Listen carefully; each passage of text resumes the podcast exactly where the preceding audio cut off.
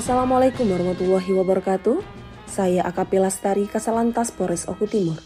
Menginformasikan kepada seluruh masyarakat Kabupaten Oku Timur, khususnya yang berada di wilayah Blitang dan sekitarnya, guna antisipasi kemacetan lalu lintas dan rawan laka lantas pada puncak malam tahun baru tanggal 31 Desember tahun 2022, terhitung mulai pukul 15.00 sampai dengan tanggal 1 Januari 2023 pukul 20.00 waktu Indonesia Barat.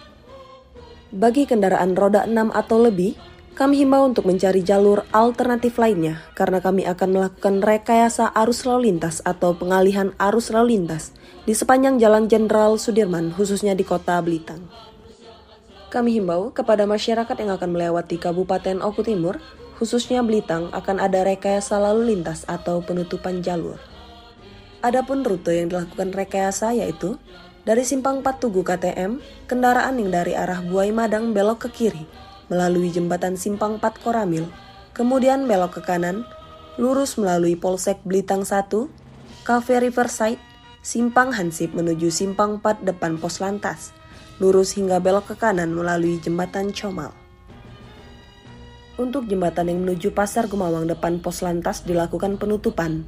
Dari jembatan Comal, belok kanan kemudian lurus melalui pasar dan simpang 4 Pasar Gumawang, Damkar, Dishub dan melalui Pospam Operasi Lilin Musi tahun 2022.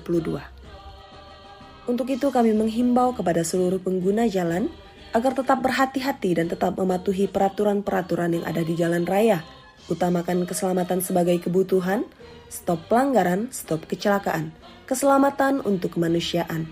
Demikian informasi yang dapat kami sampaikan. Wassalamualaikum warahmatullahi wabarakatuh. Salam presisi.